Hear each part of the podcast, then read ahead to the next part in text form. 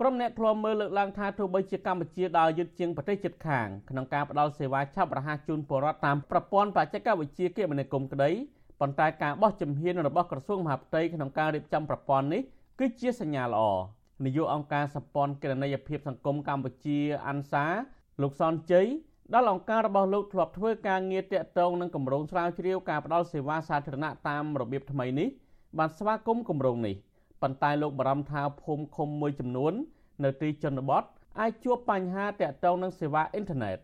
ហើយមន្ត្រីមូលដ្ឋាននៅតែមានកម្រិតទាបក្នុងការប្រើប្រាស់លោកសុនជ័យយល់ថាគម្រោងនេះអាចផ្ដល់ប្រយោជន៍ពីរយ៉ាងគឺ ទី1ប្រយោជន៍សម្រាប់គ្រប់គ្រងរៀបចំផែនការអភិវឌ្ឍនៅមូលដ្ឋាន និងទី2ជាមធ្យោបាយងាយស្រួលដល់ប្រជាពលរដ្ឋក្នុងការទទួលបានសេវា យកប្រយោជន៍ពីបច្ចេកវិទ្យាព័ត៌មាននេះហើយបើបើសម្រាប់កិច្ចការសាធារណៈវិញគឺដំណើរការនៃការរៀបចំផែនការក៏ដូចជាដំណើរការនៃការ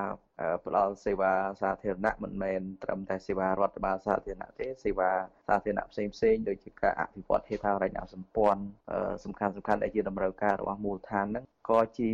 ផ្នែកមួយដែលគេអាច ទៀមទាឲ្យមានតម្លាភាពមានការទទួលខុសត្រូវតាមរយៈការប្រើប្រាស់បច្ចេកវិទ្យាព័ត៌មានហ្នឹងការលើកឡើងរបស់លោកសនជ័យនេះក្រោយពេលក្រសួងមហាផ្ទៃបានបើកកិច្ចប្រជុំពិនិត្យពិភាក្សាលើការរៀបចំផែនការមេបច្ចេកវិទ្យាគមនាគមន៍និងព័ត៌មាន កាលពីថ្ងៃទី9សីហាដែលដឹកនាំដោយលោកសុកសេដ្ឋារដ្ឋលេខាធិការប្រចាំការក្រសួងមហាផ្ទៃ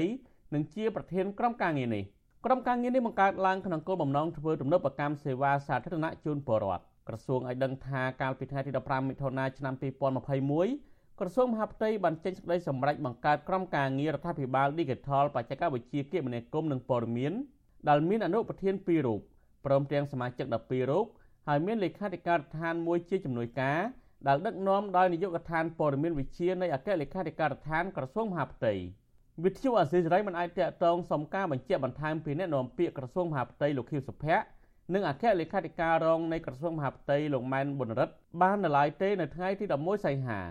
ទោះជាយ៉ាងណាអគ្គលេខាធិការរងនឹងជាប្រធាននាយកដ្ឋានព័ត៌មាននៃក្រសួងមហាផ្ទៃ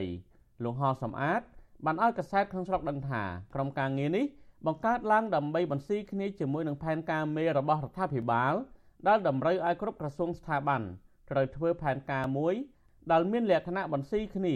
និងមានភាពងាយស្រួលក្នុងការផ្លាស់ប្ដូរទិន្នន័យគ្នាទៅវិញទៅមកដែលគេហៅថារដ្ឋាភិបាល Digital ប្រភពដដែលឲ្យដឹងថាផែនការមេនេះក្រសួងរំពឹងទុកថា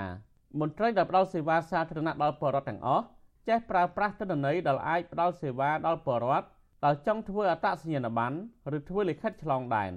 មិនចាំបាច់មកជួបមុខមន្ត្រីដោយពួកគាត់អាចប្រើប្រាស់ឬចុះឈ្មោះទៅលើទិន្នន័យចុះតាមផ្ទះ ឬនៅតាមឃុំនីមួយៗហើយរងចាំមកទទួលលិខិតឆ្លងដែនជាការស្រេចទោះជាយ៉ាងនេះក្តីក្រសួងមហាផ្ទៃអះអាងថាត្រូវការពេលវេលាពី5ឆ្នាំទៅ10ឆ្នាំក្នុងការរៀបចំប្រព័ន្ធនេះ។ទាក់ទងនឹងបញ្ហានេះអ្នកឃ្លាំមើលផ្នែកអភិវឌ្ឍសង្គមលោកសេងសេរីសង្កេតឃើញថាប្រទេសក្បែរខាងកម្ពុជាដូចជាថៃនិងវៀតណាមជាដើមមានប្រព័ន្ធបច្ចេកវិទ្យាគមនាគមន៍និងព័ត៌មានវិទ្យាសម្រាប់ផ្ដល់សេវាសាធារណៈជូនប្រជាពលរដ្ឋយូរណាស់មកហើយលោកយល់ថាការផ្ដល់សេវានេះ មិនចោទជាបញ្ហាប៉ុន្មាននោះទេចំពោះសមត្ថកិច្ចមន្ត្រីជំនាញនោះប៉ុន្តែសំខាន់គឺអ្នករៀបចំប្រព័ន្ធនេះហើយក្រសួងមហាផ្ទៃ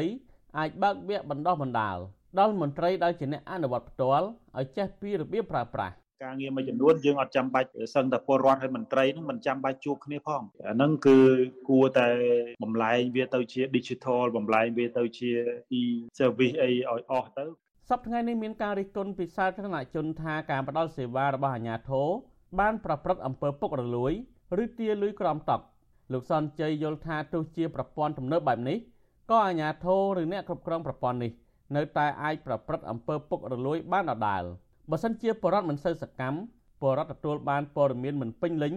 ឬអ្នកផ្ដល់សេវាខ្វះចន្ទៈចំណែកឯលោកបណ្ឌិតសេនស៊ូរីក៏ចង់ឃើញមន្ត្រីពង្រឹងគុណភាពការងារ ក្នុងការផ្ដល់សេវាសាធារណៈជូនពលរដ្ឋដែរខ្ញុំទីនសាការីយ៉ាស៊ីសេរីប្រធានីវ៉ាស៊ីនតោន